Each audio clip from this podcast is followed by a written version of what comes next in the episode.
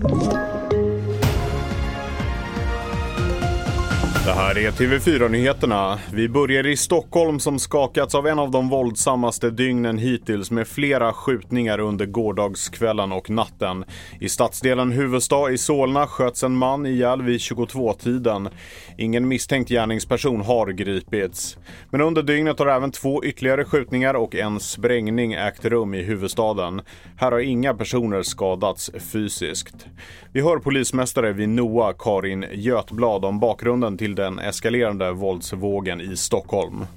Det är förfärligt vilken, med vilken hastighet det grova våldet har eskalerat. Och varför det är just här och nu i Stockholm är för att det nu pågår flera gängkonflikter.